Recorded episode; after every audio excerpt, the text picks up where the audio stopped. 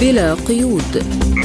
برنامج واسع الطيف نطلعكم فيه على آخر المستجدات على الساحة العربية والعالمية. حصريا من إذاعة سبوتنيك. حلقة جديدة من بلا قيود. تأتيكم من إذاعة سبوتنيك في موسكو. معكم فيها في هذا اليوم أنا نغم كباس وأنا محمد جمعة وفي حلقة اليوم عام على الزلزال المدمر الذي ضرب سوريا وتركيا ما مصير المتضررين؟ إسرائيل تدرس إجلاء سكان رفح قبل هجوم محتمل على المدينة روسيا تعتبر الضربات الأمريكية في سوريا والعراق تهدف إلى مفاقمة النزاع ومنع التصدي لداعش. بوريل يدعو الاتحاد الأوروبي إلى وقف تصدير الأسلحة إلى دول ثالثة. لازلتم تستمعون إلى برنامج بلا قيود. نبدأ التفاصيل من الذكرى السنوية الأولى للكارثة الطبيعية التي عانى منها الشعب السوري والتركي جراء الزلزال المدمر الذي ضربهما ففي عام 2011 ضرب الإرهاب صميم الوجود الاقتصادي لمدينة حلب القريبة من الحدود التركية ونهبت مصانعها وتبددت مصادر رزق سكانها وهي التي لطالما تفردت بوصفها العاصمة الاقتصادية لإقليم شرق المتوسط. وقال محمد مصري أحد سكان حي العقبة التاريخي الذي نال القسط الأكبر من عنف الزلزال لسبوتنيك. 6 2 رح تمر الذكرى المؤلمة والحزينة لحدوث الزلزال في مدينة حلب ب 6 2 طبعا مرت علينا بشكل تقريبي 20 ثانية أكثر أقل. كانت صعبة كثير وحزينة ومؤلمة. نتيجة نتيجة طبعا هالزلزال راح ضحايا شهداء. زائد إنه الحي من أكثر الأحياء المتضررة في حلب وبحلب القديمة حصلا طبعا. بشكل خاص طبعا. ذكرى أليمة كثير وذكرى صعبة. طبعا حلب واقع على خط زلزال ومر عليها يمكن زلزالين أو أكثر من أكثر من 200 سنة. ونهضت بهذاك الوقت رجعت نهضت تحت الركام. وإن شاء الله كمان بهالأيام ترجع تنهض من من تحت الركام وتتعمر وتتجدد وبتصير أحلى كمان من قبل. ما نرجع نعيش هالذكرى الأليمة والحزينة.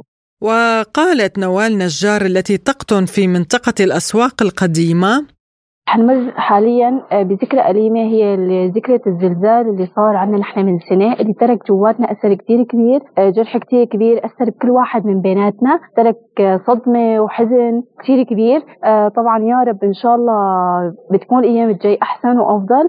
وشرح محمود ميمة أحد سكان الأحياء التي تعاقب عليها الإرهاب حين كان خطوط تماس مع مجموعاته قبل أن يضربها الزلزال. وقت اجانا على الارهاب خرب بيتنا وخرب ديارنا وهذا. وكمل علينا الزلزال والحصار الامريكي صار علينا خنق خنقونا خنق. والحمد لله رب العالمين. إن شاء الله تعالى بدها ترجع حلب وسوريا سالمة مسلمة مثل ما كانت أول على زمان أول. وإنه إن شاء الله تعالى حتى التجار ترجع لمحلاتها وتعيش في أمان واطمئنان. وقال منير حمدية أحد أصحاب متاجر المدينة القديمة في حلب عدت علينا ظروف الزلزال والحمد لله كانت مؤثرة نوعا ما ولكن الحمد لله الله سبحانه وتعالى جعل الأمور الدنيوية بهالحالة اللي نحن فيها عايشين هلا وهذا أمر الله سبحانه وتعالى. نأمل من الله تعالى أنه تكون الظروف اللي جاي أحسن. والحمد لله الله يرحم الشهداء ويرحم كل الجرحى. ونأمل من الله تعالى أنه مثل ما بيقولوا عنا تنذكر وما تنعاد ولكن أمر الله. فلازم نحن نكون مؤمنين في هذا الأمر لأنه بيد الله سبحانه وتعالى. وفي لقاء خاص مع سبوتنيك قال أحمد الشهابي مدير مدينة حلب القديمة. هلا بداية رحنا للشهداء الذين قضوا بحادث الزلزال والشفاء العاجل للجرحى من الساعات الأولى للزلزال آه، تم تشكيل آه، فرق مسح طبعا بالتعاون مع نقابة المهندسين في حلب والمنتبات غرفة العمليات. تم تقييم الأضرار أو التوصيف الأولي لتقريبا 14 ألف عقار من أصل 16 ألف في حلب القديمة. آه، توزعت الأضرار بين أضرار شديدة متوسطة خفيفة وسليمة إنشائيا. طبعا هاي الأضرار شكلنا مجموعة تواصل آه، مع زملاء نقابة المهندسين اللي كان برافق مهندس من حلب القديمة ومهندس من الأثار والمتاحف في حلب. شكلنا مجموعة تواصل. الحالات الإسعافية اللي كانت بحاجة لتدخل فوري كان يتم تزويدها فيها بصور الوضع الراهن لها وفورا يتم زاد آه، ورشات إما الإسكان العسكري أو المشاريع الحكومية طبعا وزع في حلب القليلة عقدين بدعم حكومي آه، لمعالجة آثار الزلزال أو حالات السلامة العامة. كان ينزج ورشات الإسكان أو المشاريع المائية لمعالجة هذه الحالات. في مرحلة آه، لاحقة بعد ما هيك استقرينا شوي تم القيام بفتح المحاور المؤدية. طبعا أنت تعرف حلب القديمة آه، مبانيها حجرية كلها وعمرها مئات السنين آه، نتيجة قوة الزلزال اللي أصاب حلب. آه، انهار جزء كبير من الوجهات أو من بعض الدول العربية. وأغلقت الأزقة والمحاور. فكنا بحاجة لأعمال يدوية لفرز هذه الأحجار وتصفيدها بموقع يعاد استخدامها لنحافظ على قيمتها الأثرية لهذه الدول. وترحيل الفائض من هذه الأتربة اللي نتجت عن الفرز آه، خارج هذه المحاور لتأمين قلت لك إما هي شرايين عم تأمن دخول الناس أو أزقة ضيقة كنا بحاجة لعمال بشكل يدوي لحتى نرجع نفتح هذه الازقه وهذه الطرق امام أخوتنا المواطنين. الأسواق التقليدية الحمد لله انه الأسواق اللي اللي رممت آه، بموجب مذكرات تفاهم بين المديرية العامة للأثار والمتاحف ومحافظه حلب ومجلس المدينة والأمان السوري للتنمية ومؤسسة الاغا خان لم تتعرض لاضرار كبيرة وإنما كانت اضرار بسيطة جدا. طبعا اضرار بسيطه نتيجة قوة الزلزال وليس نتيجة لأنه هي كل أعمال الترميم كانت تتم وفق معايير الترميم المعتمده دوليا للمحافظه على المدن التاريخية. إذا طلعنا برا آه، زون الأسواق الدول العربية أيضا اللي رمم منها آه، لم يتأذى من الزلزال، ما تأذى فعلا؟ طبعا كانت تقييمات على الأحياء. يعني أنا عندي أو موجود الحيز الجغرافي للمدينة القديمة حي العقبة هو الأكثر ضررا. طبعا آه، الضرر صار تراكمي. بمعنى آه، ما تأذى من الأعمال الإرهابية خلال فترة الحرب الظالمة على سوريا. فبيقولوا أنهاه الزلزال كان ضرره وسط نتيجة عدم قيام أصحابه بترميمه. اجى الزلزال فأنهى على العقار كاملا. أو آه، الواجهات الخارجية المطلة أيضا بسبب قوة الزلزال انهكت وتهدمت. الأخير الهاجس الدعم الحكومي للرعايه الكريمة للأمانة السورية. للنهوض والتعافي في حلب القديمة.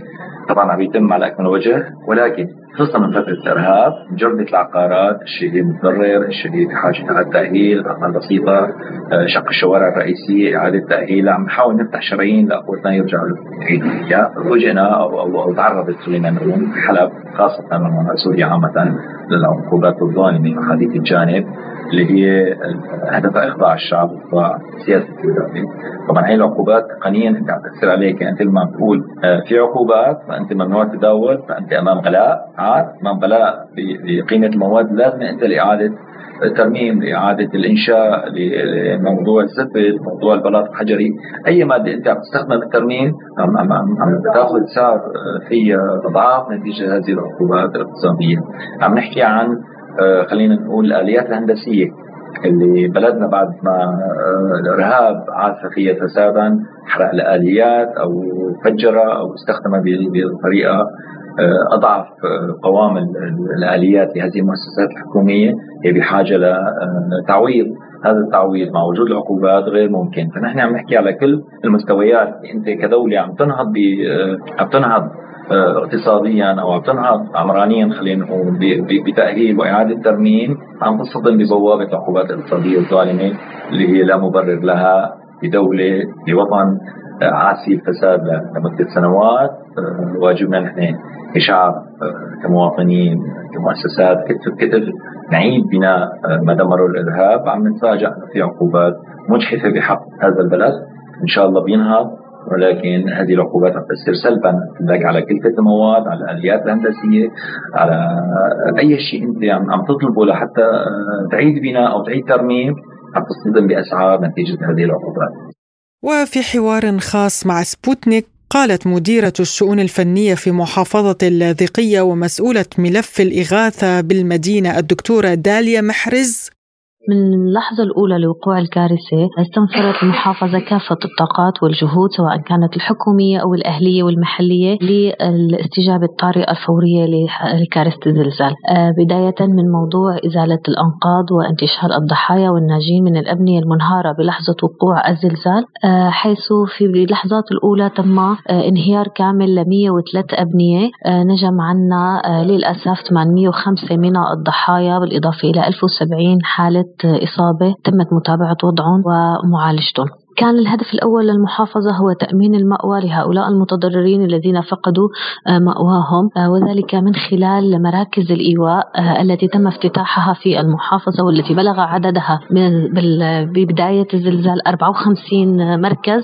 شمل مراكز إيواء تم تجهيزها لهذه الغاية بالإضافة إلى مدارس ومساجد ومساجد. واستوعبت هذه المراكز جميع الذين فقدوا مأواهم بالإضافة إلى المتضررين الذين خرجوا من منازلهم بسبب الضرر الذي لحق بها. تم تقديم كافة الإعانات الإغاثية لهؤلاء المتضررين من سلل إغاثية غذائية كانت سواء أم سلل إقامة مستلزمات إقامة بالإضافة إلى تأمين الخدمات الطبية لهم. بلغ عدد المتضررين الإحصائية كانت الأولية لأعداد المتضررين حوالي 195 ألف أسرة متضررة من الزلزال تخدموا بكافة المستلزمات الإغاثية.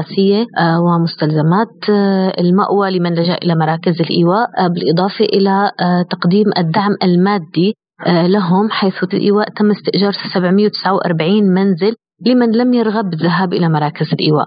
أيضا قامت المحافظة بالتعاون مع المنظمات المحلية الدولية بتقديم دعم مادي كبدل جار للمتضررين من الزلزال واستفاد من هذا الدعم 21732 متضرر بمبلغ إجمالي آه، قدره 68 مليار ليرة سورية. آه، قامت المحافظة بتشكيل لجان هندسية للكشف على العقارات المتضررة من الزلزال. آه، تنوعت هذه اللجان ما بين لجان كشف حسي ولجان سلامة عامة.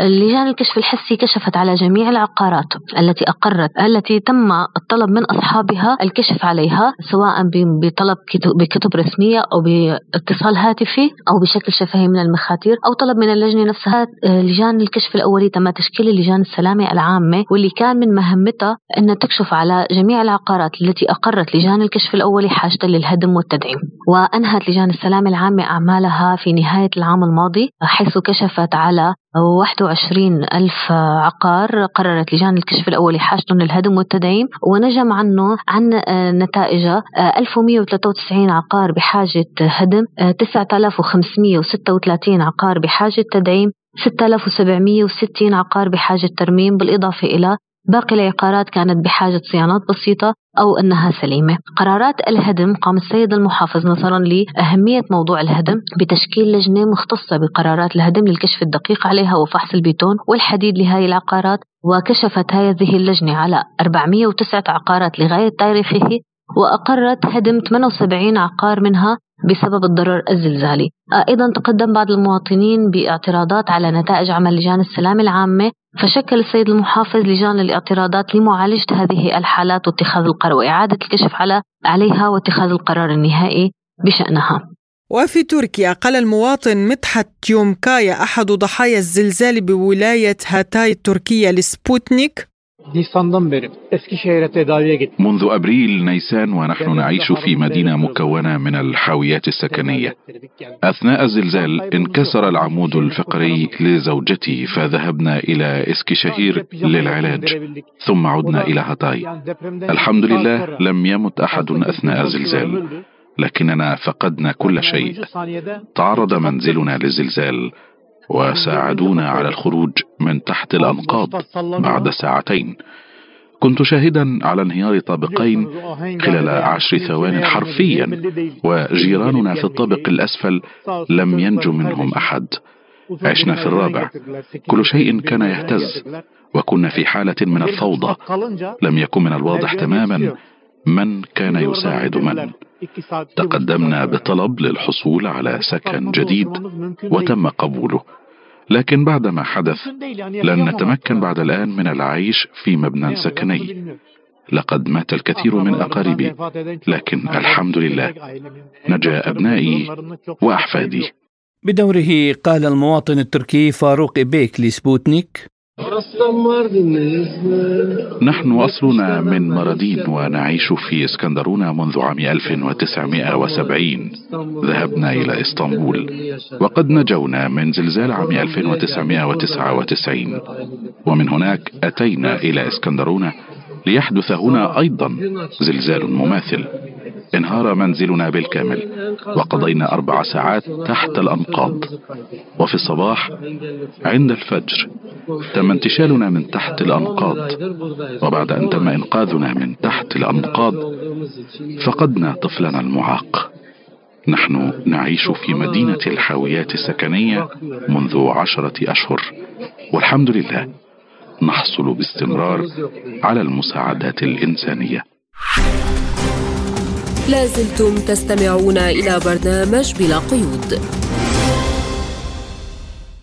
وفي ملفنا التالي يواصل الجيش الإسرائيلي قصف قطاع غزة لليوم الثالث والعشرين بعد المئة في ظل وضع إنساني كارثي ونزوح أكثر من 90% من السكان مع مؤشرات حول التوصل لهدنة جديدة وإطلاق الأسرى والرهائن. في السياق صرح مصدر مسؤول في وزارة الخارجية الأمريكية أن واشنطن ستعيد توجيه أي أموال مخصصة للأونروا إلى وكالات إغاثة أخرى تعمل في غزة إذا أقر الكونغرس تشريعا يحظر تمويلها. ميدانيا تدرس إسرائيل إجلاء سكان رفح إلى شمالي القطاع قبل هجوم محتمل على المدينة لكن هذه الخطوة قد لا تتم قبل شهر مارس. للحديث أكثر عن آخر مستجدات الحرب في غزة ينضم إلينا من بيروت القيادي في حركة فتح الدكتور سرحان سرحان. أهلا بك دكتور سرحان في برنامج بلا قيود. وأبدأ معك من إعلان إسرائيل بأنها ستدمر فصائل حركة حماس في رفح أيضا.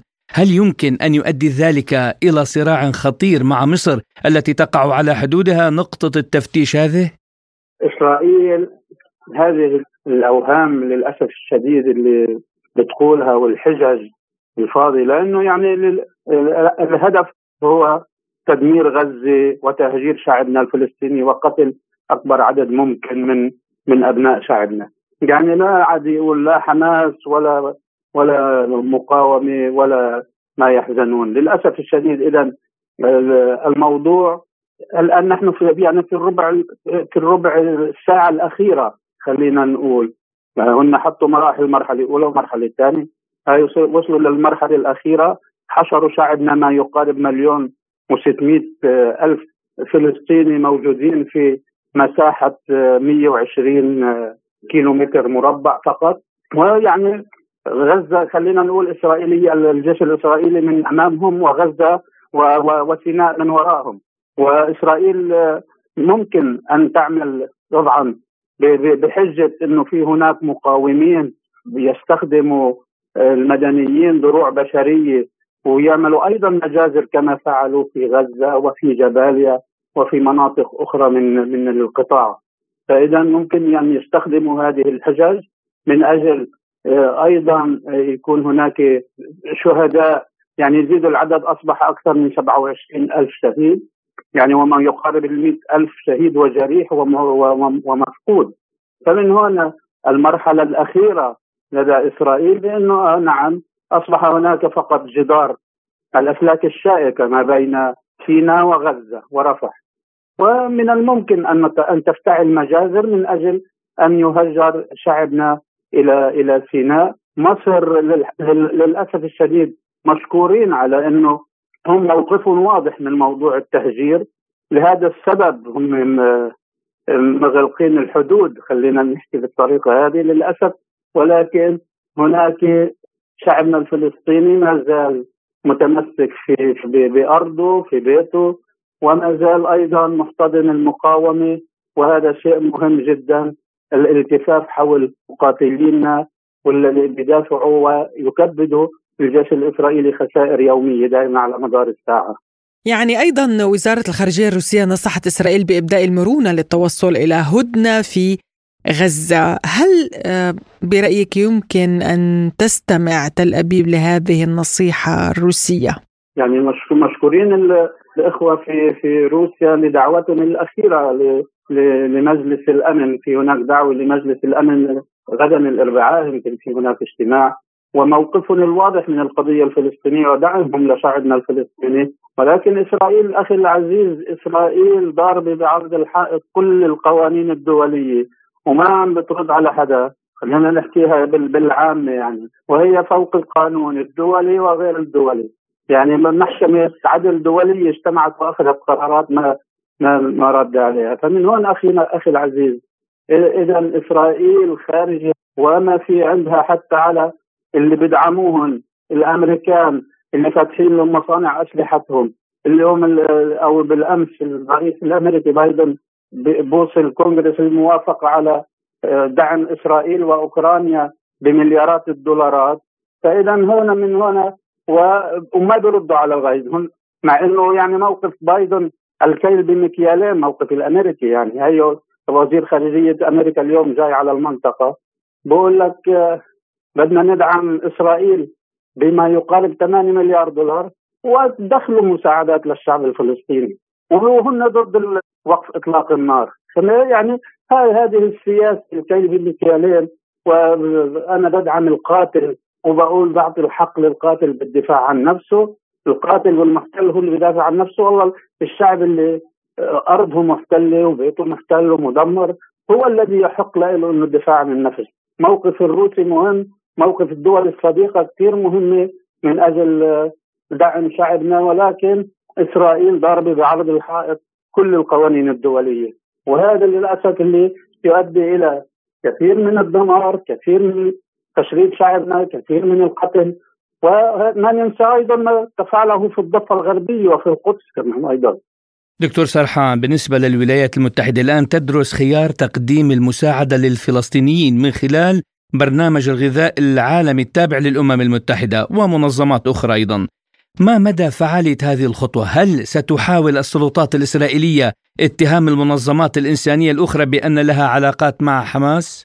يعني هذه حلقة من حلقات المؤامرة أخي العزيز حلقة جديدة من حلقات المؤامرة. أنه القضاء على موضوع حق العودة. الأنروا هي المؤسسة الشاهدة على معاناة شعبنا الفلسطيني الأنروا منذ أن تأسست في عام 49 تأسست من أجل مساعدة اللاجئين الفلسطينيين اللي شردوا بسبب دعم هذه الدول الظالمة التي الآن أوقفت المساعدات عن هذه المؤسسة.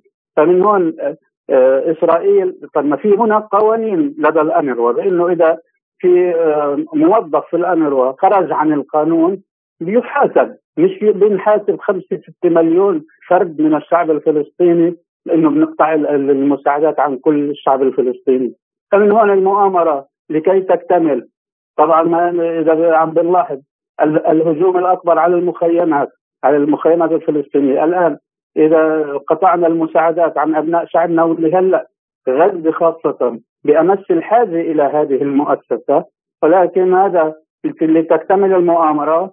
أنا بزيد المساعدات لإسرائيل العسكرية وبقطع المساعدات الإنسانية عن شعب. فمن هون هذا الظلم من الدول اللي للأسف التي تدعي الديمقراطية وحق الإنسان. إذا هذا هنا هنا هنا الظلم. وبنادوا لك بحق. بحق الإنسان بالعيش الكريم. أي حق كريم أنت عم تمنع إسرائيل وبتستمر بدعمها من أجل أنها بتقتل أطفالنا ونسائنا وكبار السن وتدمر. وتعتقل وتيجي لشعبنا الفلسطيني الأعزل بتوقف المساعدات عنه. فمن هذا هذه السياسة واضحة جدا للعالم كله بأنه هذه حلقة من حلقات المؤامرة للقضاء على حق العودة والقضاء على القضية الفلسطينية.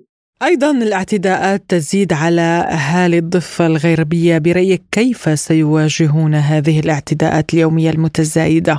ما يحصل في الضفة الغربية وفي القدس لا يقل خطورة عما يحصل في غزة. اجتياحات تدمير بيوت ضرب بنية تحتية اعتقالات. أبدا ما يحصل في في الضفة وفي القدس في عاصمة فلسطين ما يفعله الإسرائيلي في غزة. السياسة نفس كان الهدف الواضح يعني بأنه تهجير أبناء شعبنا. المستوطنين مدعومين من الجيش الإسرائيلي للأسف الشديد. يقتحمون قرانا ومدننا يخربون يدمرون. حتى المواشي من الناس بالأمس بقرأ خبر يسرقون المواشي يقطعون شجر الزيتون. إذا هذه السياسة العدوانية على أبناء شعبنا ولكن أبناء شعبنا متمسكين بحق بأنه هذه الأرض أرضنا وأنه غلطت التمام نعيدها بأن نترك أرضنا ونهاجر إلى خارج فلسطين. وموقف القياده الفلسطينيه واضح من هذا الموضوع. على سلم أولوياتنا هو منع التهجير ودعم أبناء شعبنا وبانه يصمد في أرضه وهذا واضح من أيضا من الحراك السياسي والدبلوماسي للسلطة الفلسطينية ولحركة فتح في الأقاليم الخارجية المشكورين على ما يجري من من وقفات ومسيرات إسناد لشعبنا الفلسطيني في كل مدن العالم. ولكن طبعا الحكومات الغربية من أمريكا إلى ألمانيا إلى كندا إلى بريطانيا إلى فرنسا كل هذه الدول مغمضة عينيها ومسكرة دنياها وما عم تسمع ولا عم بتشوف ما يحصل في الأرض المحتلة للأسف الشديد. ولا عم بردوا على شعوبهم اللي عم تخرج يوميا في الشوارع دعم واسناد لشعبنا الفلسطيني. القيادي في حركة فتح الدكتور سرحان. سرحان كنت معنا ضيفا عزيزا في برنامج بلا قيود. شكرا لكم. لازلتم تستمعون إلى برنامج بلا قيود. وننتقل إلى الضربات الأمريكية على سوريا والعراق حيث صرح مندوب روسيا الدائم لدى مجلس الأمن الدولي فاسيلي نيبينزيا بأن الضربات الجوية التي شنتها الولايات المتحدة مؤخرا في سوريا والعراق واليمن تهدف إلى مفاقمة النزاع وتهديد أمن واستقرار المنطقة ومنع القوات السورية من أن تتصدى لتنظيم داعش مشيرا إلى أن واشنطن تتمتع بالإفلات من العقاب. وتستمر في سياستها المدمرة بالشرق الأوسط. بدوره قال ممثل الصين الدائم لدى الأمم المتحدة إن الضربات الأمريكية على العراق وسوريا تنتهك بشكل صارخ سيادة هذين البلدين وأضاف بأن التاريخ قد أثبت مرارا وتكرارا أن الوسائل العسكرية ليست هي الحل وأن الاستخدام المفرط للقوة لن يؤدي إلا إلى أزمة أكبر. يأتي ذلك بعد أن استهدفت الولايات المتحدة الأمريكية الأسبوع الماضي أكثر من 85 هدفا قالت إنها تابعة لقوات الحرس الثوري الإيراني والتشكيلات المرتبطة به في العراق وسوريا.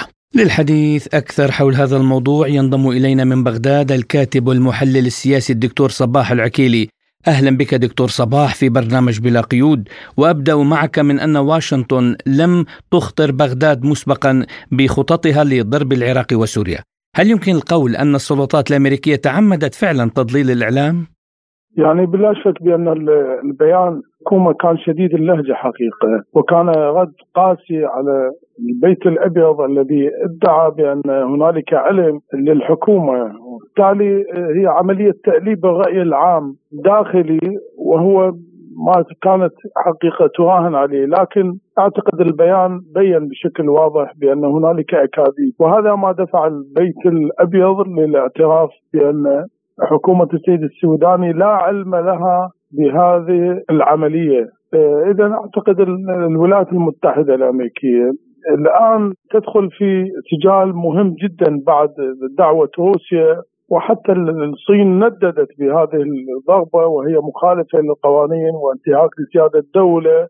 عضو بالأمم المتحدة، يعني أعتقد الآن الولايات المتحدة الأمريكية في موقف حرج، السبب كشف نواياها وحقيقة تواجدها وهي ليست بداعي مساعدة العراق بل الهيمنة والسيطرة على العراق وكذلك في دعم الكيان الإسرائيلي في في جريمته احياء أبناء الشعب الفلسطيني. أنا أعتقد الآن الولايات المتحدة الأمريكية أخفقت بشكل كبير جدا في المنطقة وكذلك في العراق وهنالك أزمة داخلية داخل الولايات المتحدة الأمريكية مع قرب الانتخابات الرئاسية وهذا ما يحدث أثر بشكل كبير جدا على حظوظ بايدن في معركة الانتخابية مع ترامب. أعتقد الآن الولايات المتحدة الأمريكية تفكر بشكل جدي الانسحاب ليس من العراق بل من سوريا كذلك بسبب ضربات الفصائل المقاومة. وكذلك بأن هنالك اتفاقية مع الجانب العراقي في حكومة الكاظمي اللي هذه الاتفاقية تمهد لانسحاب كامل للقوات الأمريكية من العراق.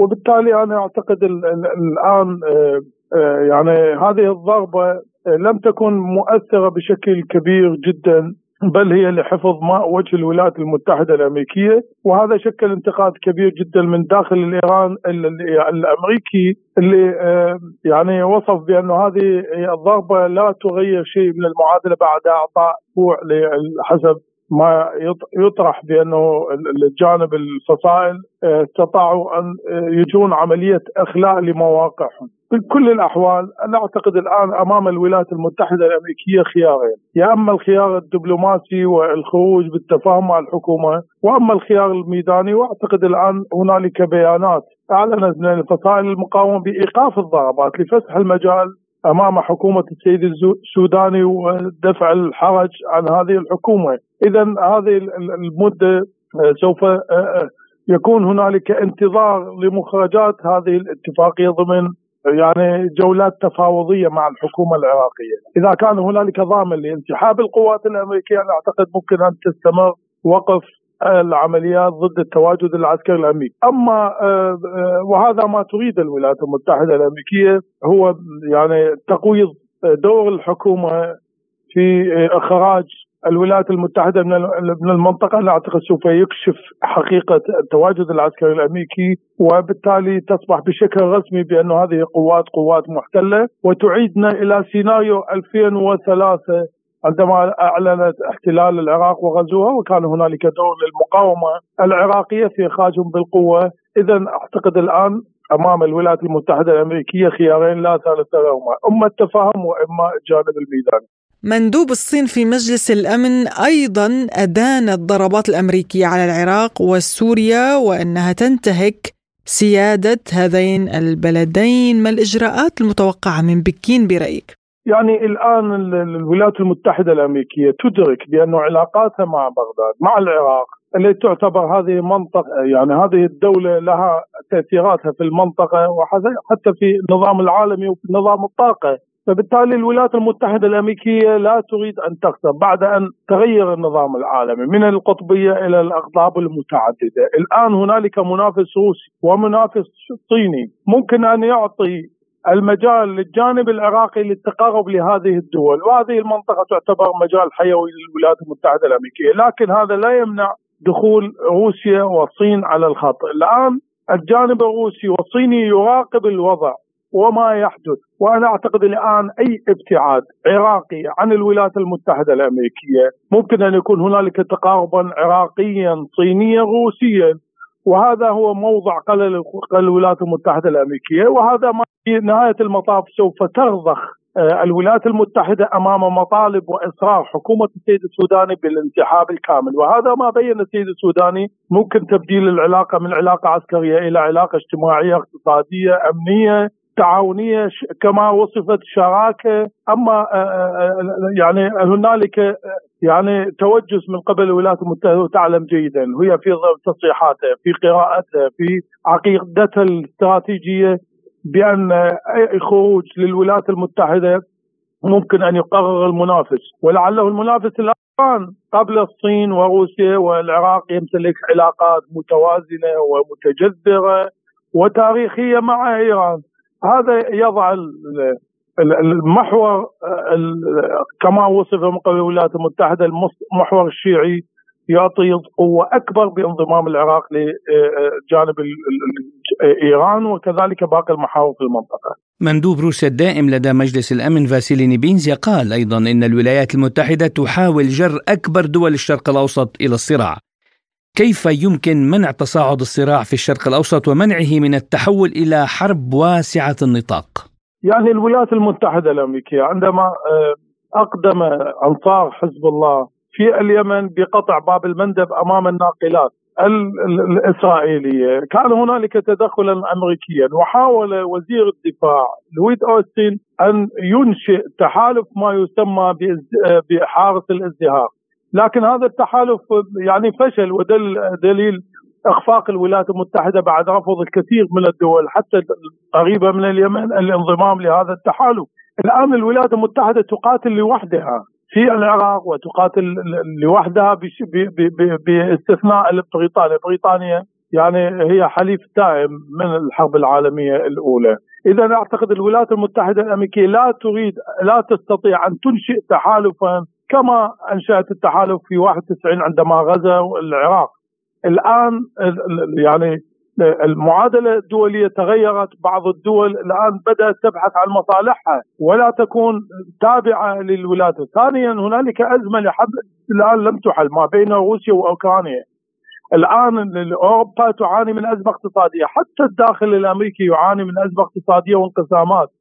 ودليل آه، آه، هذا الانقسام في ولاية فلوريدا التي لوحت بالانفصال من الولايات المتحدة وكذلك باقي الولايات. إذا أعتقد الآن الولايات المتحدة في أزمة داخلية مع قرب الانتخابات وكذلك هو في أزمة كيفية إقناع الحلفاء في الدخول في تحالف جديد يستهدف آه، محور المقاومة يستهدف إيران يستهدف حتى يستهدف الصين وروسيا.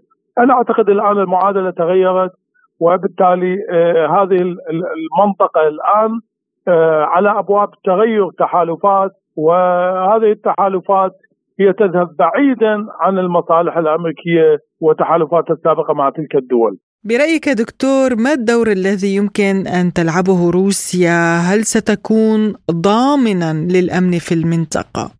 يعني بلا شك لابد أن يكون. اولا روسيا دولة كبيرة ولديها تأثيرات في السياسة والنظام العالمي الجديد وبالتالي هو يعتبر قطب من الاقطاب في النظام العالمي. أنا أعتقد روسيا لديها الفرصة الكبيرة للدخول مع وجود آه، القاعدة الأمريكية في في آه، في سوريا وكذلك وجود لديها علاقات تاريخية مع العراق. الآن ممكن يعني يعني من باب الحقوق ممكن ان يكون لديها تحرك للحفاظ على مصالحها في المنطقة، الآن روسيا وصلت إلى أفريقيا، فبالتالي هذا ما يعبر عنه بأنه التقارب الروسي مع تلك الدول وأنا أعتقد كان هنالك تقارب مع السعودية مع الإمارات وكذلك سبق مع قطر ومع ومع الجمهورية مع إيران، اذا الآن لابد أن تتغير معادلة المنطقة، لا تكون هذه المنطقة هي ضمن هيمنة الولايات المتحدة الأمريكية.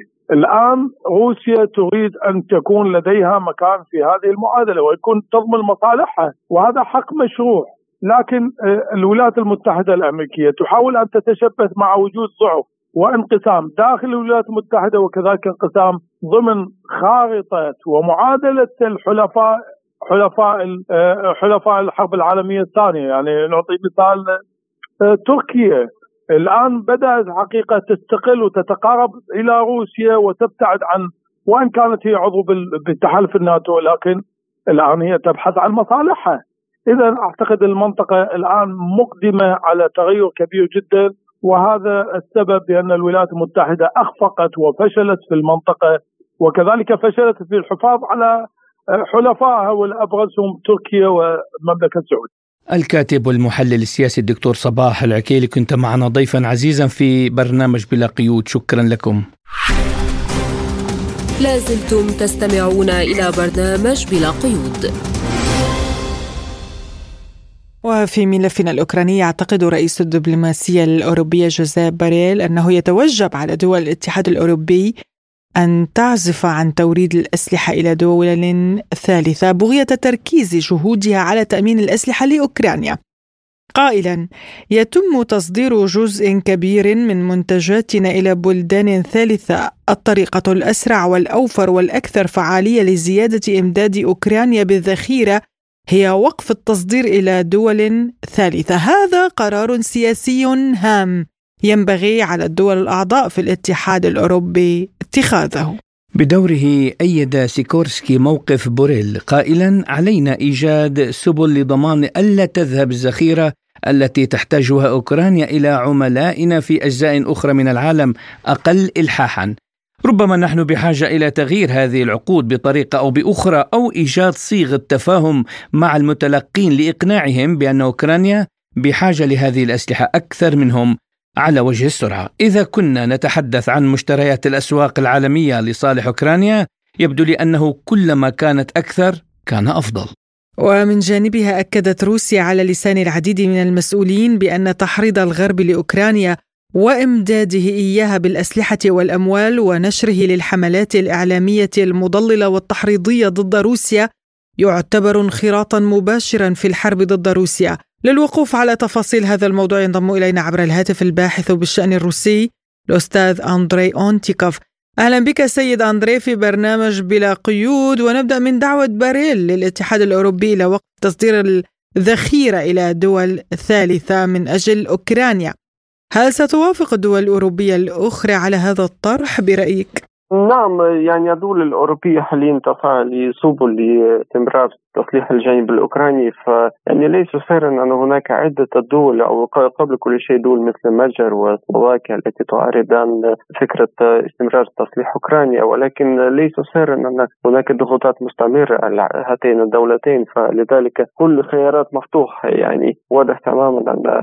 يعني في السابق حتى المجر قد وافقت على يعني تقديم 50 مليار يورو لأوكرانيا ونتيجة الضغوطات من قبل الدول الأوروبية الأخرى دول الاتحاد الأوروبي. فلذلك أنا أعتقد أن في المطاف يوجد هناك السعي الأوروبي وتحديدا من جوزيف بوريل لاستمرار دعم أوكرانيا. فلذلك أنا أعتقد أن روسيا روسيا من جانبها لا تشعر بتفاؤل هي تستعيد لأسوأ السيناريوهات في في هذا السياق وهو سيناريو استمرار القتال. فلذلك أنا دائما أقول بأن نحن قد دخلنا قبل أشهر إلى مرحلة الاستنزاف المتبادل فهذا يعني بأن الدول الأوروبية والغربية بشكل عام ستحاول أن تستنزف روسيا. اقتصاديا بينما روسيا تحاول أن تستنزف كل من أوكرانيا وكل من يصلح أوكرانيا اقتصاديا أو حتى عسكريا.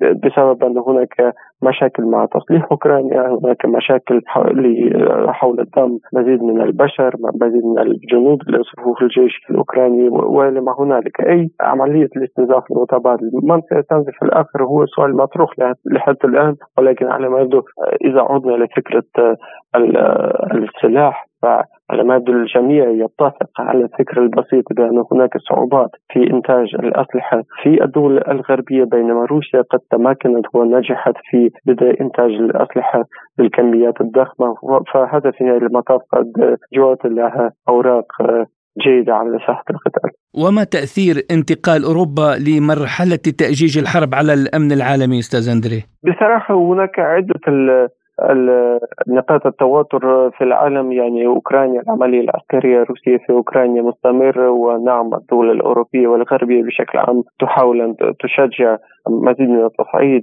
في هذه المنطقة. ولكن ليس فقط نحن نرى التوتر في هذه المنطقة في أوروبا الشرقية بل كذلك آه، نحن نعلم أن هناك النزاعات في الشرق الأوسط الحرب الإسرائيلية على قطاع غزة. فعلى ما يبدو كل تلك النزاعات مرتبطة مع بعض البعض ونحن نرى نوع من المنافسة بين صح التعبير المعسكر الغربي برئاسة الولايات المتحدة الأمريكية أو بقيادة الولايات المتحدة الأمريكية لأجل إضعاف كل من روسيا والصين وأمريكا قد سمت أكثر من مرة روسيا كالعدو الأكبر بالنسبة لها والصين كالمنافس الأكبر بالنسبة لها. وفي نفس الوقت من جانب الآخر يوجد هناك المعسكر الثاني مع روسيا والصين في في رأس هذا هذا المعسكر. وكذلك توجد هناك محاولات لإنهاء الهيمنة الأمريكية وبناء العالم المتعدد الاقطاب وإلى ما هنالك هذه القصة معروفه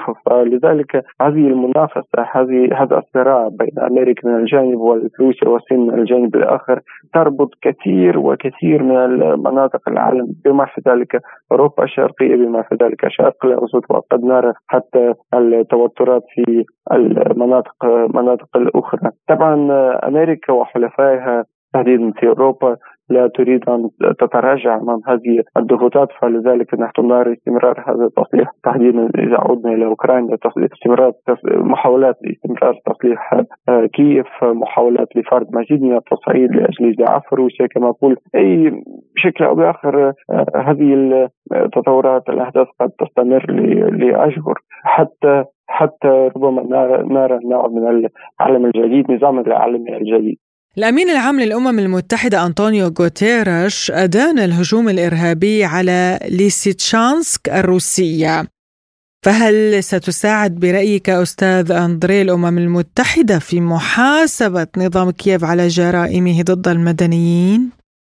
لدى أمين العام للأمم المتحدة أنطونيو غوتيريش لا توجد أي صلاحيات سوى إدانة أو يعني تقديم بعض التصريحات حول هذا الموضوع فليس سرا أن كل قرارات حاسمة يتم تبنيها في في مجلس الأمن للأمم المتحدة فلذلك يعني يوجد هناك لدى أمريكا حق نقض الفيتو يوجد لدى روسيا حق نقض الفيتو فلذلك الأمر يقتصر فقط إذا عدنا إلى ليتشانسك فالأمر يقتصر فقط أو على إدانة مثل هذه العمليات الإرهابية من قبل الجيش الأوكراني والقيادة الأوكرانية بشكل عام.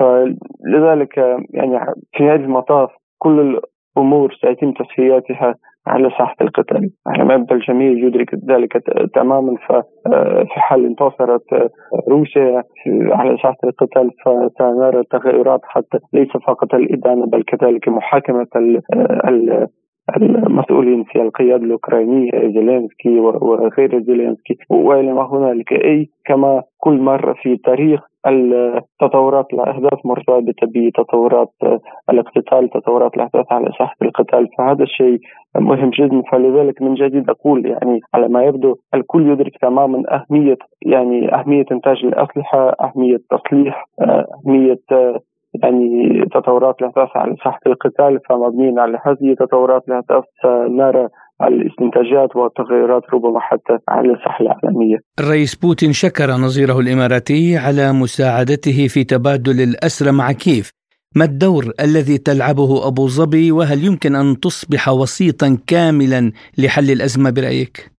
نعم دولة الإمارات العربية المتحدة مشكورة جدا على هذه الوساطة في مجال الإنساني ولكن أنا أعتقد أن وليس لأول مرة بالمناسبة. يعني مرات عدة قد ساهمت دولة الإمارات في تبادل الأسرى بين روسيا وأوكرانيا فهذا شيء مفيد جدا على ما يبدو بالنسبة لكلا الدولتين في نفس الوقت أنا أعتقد أن من المبكر أن نتحدث عن الوساطة في مجال السياسي في مجال تسوية هذه الأزمة. قبل قبل ذلك قبل إقامة هذه الوساطة فيجب أن تكون هناك أولا تغيرات في القوانين الأوكرانية. القوانين الأوكرانية تمنع آية المحادثات مع روسيا لذلك يعني من الصعب جدا إقامة الحوار مع أوكرانيا في ضوء هذه الظروف. كذلك أوكرانيا لا تتخلى عن فكرة القتال استمرار العمليات القتالية مع الجانب الروسي. وأيضا أوكرانيا يعني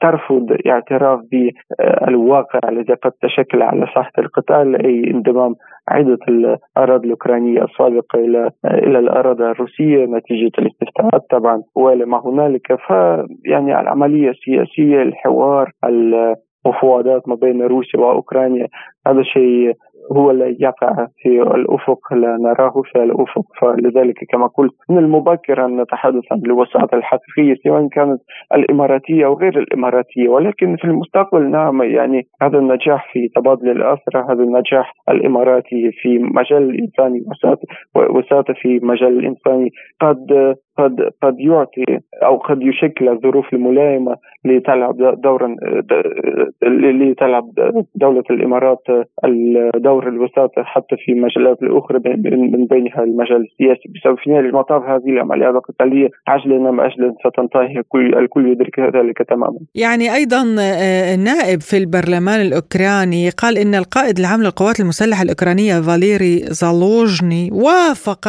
على أن يصبح سفيرا في بريطانيا هل تتوقع انقلابا عسكريا سيد أندري في أوكرانيا إذا استقال زالوجني؟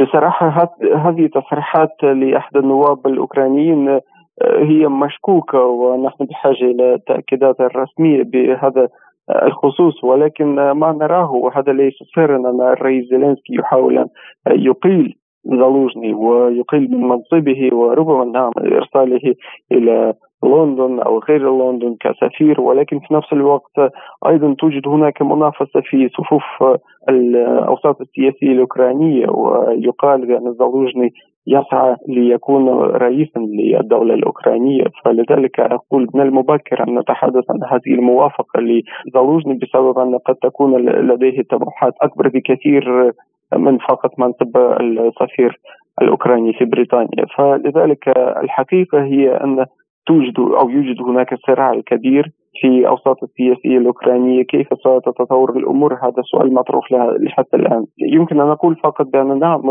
روسيا تستفيد من هذا الصراع بسبب أن هذا الصراع الداخلي في نهاية المطاف يؤدي إلى صعوبات للقيادة الأوكرانية سواء كانت على ساحة القتال أو في أوساط السياسية. الباحث بالشأن الروسي الأستاذ أندري أونتيكوف كنت معنا عبر الهاتف من موسكو. شكرا لك على هذه المداخلة. لازلتم تستمعون إلى برنامج بلا قيود. وإلى الزيارة التي يقوم بها وزير الخارجية الأمريكي أنتوني بلينكين إلى الشرق الأوسط وكان في الرياض لبحث الصراع الفلسطيني الإسرائيلي. وفي إطار جولته سيزور أيضا مصر وقطر وإسرائيل والضفة الغربية. من أجل مواصلة الجهود الدبلوماسية للتوصل إلى اتفاق للإفراج عن الرهائن وإرساء هدنة إنسانية. وشدد بلينكين على الحاجة إلى معالجة الاحتياجات الإنسانية في غزة بشكل عاجل. بعد أن دقت منظمات الإغاثة مرارا وتكرارا ناقوس الخطر بشأن التأثير المدمر للحرب المستمرة منذ خمسة أشهر تقريبا على القطاع المحاصر وللحديث أكثر عن هذا الموضوع ينضم إلينا من دمشق الباحث الأكاديمي والخبير بشؤون الشرق الأوسط الأستاذ منذر بركات. أهلا بك أستاذ منذر. وأبدأ معك من هذه الجولة الخامسة للوزير الأمريكي في المنطقة منذ هجمات السابع من أكتوبر الماضي أستاذ ما الجديد في هذه الجولة؟ ما هي الأهداف التي يسعى بلينكين حقا لتحقيقها؟ أعتقد فيما يتعلق بزيارة آه، وزير الخارجية الأمريكي إلى المنطقة فإنها تأتي في إطار محاولة الولايات المتحدة الأمريكي لملمة الأوضاع التي كادت أن تنفلت بشكل كبير وتتحول إلى صراع إقليمي وربما عالمي بعد التوترات الكبرى التي شهدتها المنطقة. آه، أعتقد أن الولايات المتحدة الأمريكية تسعى للإبقاء على بعض المكتسبات في المنطقة وهذه المكتسبات لن تكون إلا من خلال آه، المحافظة على بعض الهدوء في المنطقة وعدم آه، أخذ المنطقة إلى حرب كبرى ستفقد فيها الولايات المتحدة الأمريكية. أعتقد أي وجود في هذه المنطقة. هل تحاول الولايات المتحدة حشد دعم حلفائها أو حتى جرهم إلى صراع مع جماعة أنصار الله اليمنية برأيك؟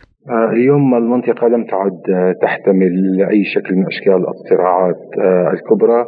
حلفاء الولايات المتحدة الأمريكية في منطقة الخليج وفي المنطقة العربية وفي منطقة الشرق الأوسط يدركون أن الولايات المتحدة الأمريكية تريد أن تنتقل في المنطقة نحو محاولة الهدوء وليس حسب اعتقادي الحروب لأن الظروف لم تعد ملائمة لقيام صراع في المنطقة. حلفاء الولايات المتحدة الأمريكية اليوم يعني في في المجمل لا يريدون الانسياق نحو هذا المسار مسار التصعيد. آه، المصالح لهذه لهذه الدول أعتقد آه، أصبحت في في مكان آه، آخر. الصراع مع أنصار الله أو المقاومة في اليمن لم يعد في حسبان هذه الدول خاصة بعدما أظهرته المقاومة اليمني من قوة ومن قدرة على تغيير مسار المعارك آه، وخاصة من خلال السيطرة المطلقة على البحر الأحمر ومضيق باب المندب. وهل ستوافق السعودية على مناقشة آفاق التطبيع السعودي الإسرائيلي؟ بصراحة مسار التطبيع بين بعض الدول العربية وخاصة المملكة العربية السعودية والكيان الصهيوني آه، تلقى ضربة كبيرة. أعتقد أنها ضربة قاصمة لهذا المشروع التطبيعي في المنطقة بعد أحداث 7 تشرين أول. يمكن أن نقول أن هذا المشروع قد دفن لأن السعودية لا أعتقد أنها تستطيع أن تتجاوز حجم الإعتداء والإبادة التي مارسها الكيان الصهيوني بحق أهلنا في في فلسطين وفي غزة لذلك هذا المشروع. أعتقد آه، توقف وربما انتهى على الأقل في المدى الحالي وفي المدى المنظور لأن آه، مخاطره على المملكة وعلى كل من يسير آه، بركبه. أعتقد أصبحت مخاطر كبيرة أمام الغليان الشعبي وأمام التحولات الكبرى التي شهدتها المنطقة بعد 7 تشرين أول. يعني برأيك هل ستتم مناقشة مسألة حل الدولتين لا سيما وأن المسؤولين الأمريكيين يعرفون أن التطبيع بدون حل الدولتين غير ممكن؟ مسار حل الدولتين أعتقد أنه مسار طويل وطرح هذا المسار منذ عشرات السنين الحكي كلما آه، استجد الحديث عن أو كلما كان هناك حدثا بارزا في المنطقة وفي ما يتعلق بالقضية الفلسطينية يطرح مسار حل الدولتين. لا أعتقد أن الحكومة الإسرائيلية اليوم ودعاة الحرب والإبادة في آه، فلسطين المحتلة من الصهاينة المتشددين هم اليوم في مسار حقيقي وإن كان هذا الطرح فقط هو طرح إعلامي بهدف يعني آه، تخميد جزوة المقاومة في هذا الوقت ومحاولة أخذ الدول العربية التي كانت تسير في مطار في مسار التطبيع بمعنى أن تأخذها مرة جديدة نحو هذا المسار من خلال إظهار أن الكيان الصهيوني والولايات المتحدة الأمريكية ترغب آه، في آه، مسار حل الدولتين وفي إيجاد حل القضية الفلسطينية الحل. أعتقد أن المقاومة هي التي ستضعه ومحور المقاومة يحدد بشكل أو بآخر مسار هذا أو أو مسارات الحل الفلسطيني. اليوم طرح حل الدولتين من قبل الولايات المتحدة الأمريكية أو بريطانيا أو بعض هذه الدول هو هو لزر الرماد في العيون. لا أعتقد أن لديهم رغبة إطلاقا في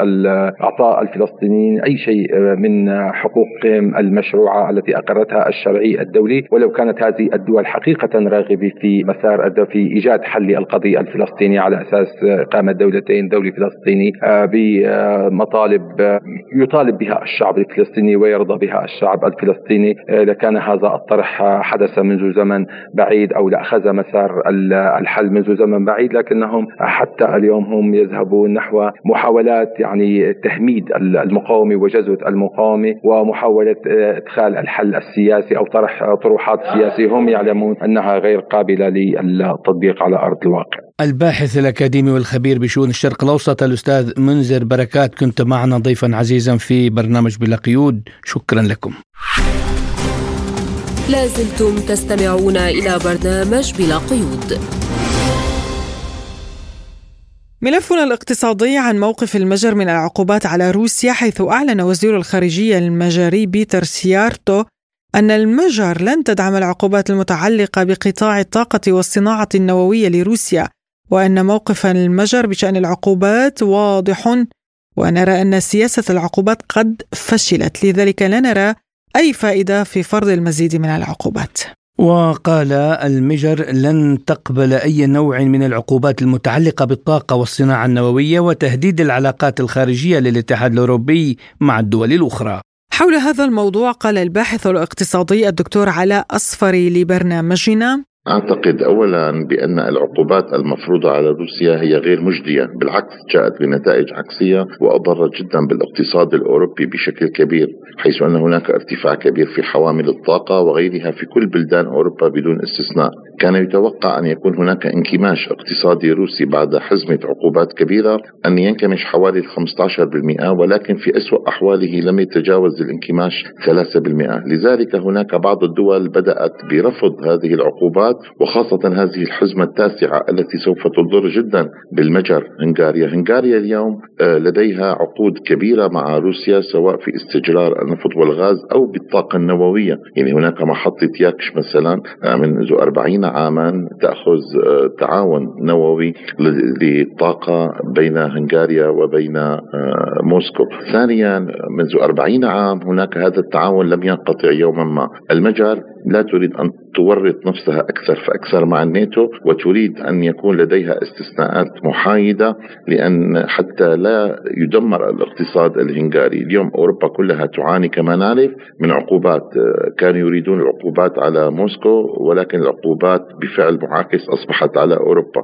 لذلك هذه العقوبات لا جدوى منها وخاصة كل هذه الحزم التسعة التي تم فرضها لتاريخ اليوم. آه، الناتو في ورطة كبيرة روسيا وروسيا اقتصادها يعتبر اقتصاد متماسك جدا الآن وبالتالي كثير من الدول ترفض الانصياع للرغبات الأمريكية والبريطانية والأوروبية بهذا الشأن. انقطاع الغاز الروسي بدأ تظهر علائمه بشكل عنيف على أوروبا وخاصة على ألمانيا وغيرها كلما مرت الأيام أكثر كلما كان الضغط الاقتصادي على أوروبا أكثر. لذلك تعتبر موسكو الآن هي التي أفشلت هذه العقوبات بسلسلة من الإجراءات أجراها السيد بوتين مع فريقه الإقتصادي وبالتالي منعت أي انكماش لا سمح الله في الاقتصاد الروسي. كان هذا تعليق الباحث الاقتصادي الدكتور علاء أصفري. مستمعينا الكرام إلى هنا تنتهي حلقة اليوم من برنامج بلا قيود. كنت معكم أنا محمد جمعة. وأنا نغم كباس. قدمناها لكم من استديوهات سبوتنيك في موسكو. وللمزيد من متابعتنا زوروا موقعنا الإلكتروني سبوتنيك dot AE. واشتركوا بقناتنا على تليجرام سبوتنيك Arabic. واستمعوا إلى راديو. سبوتنيك.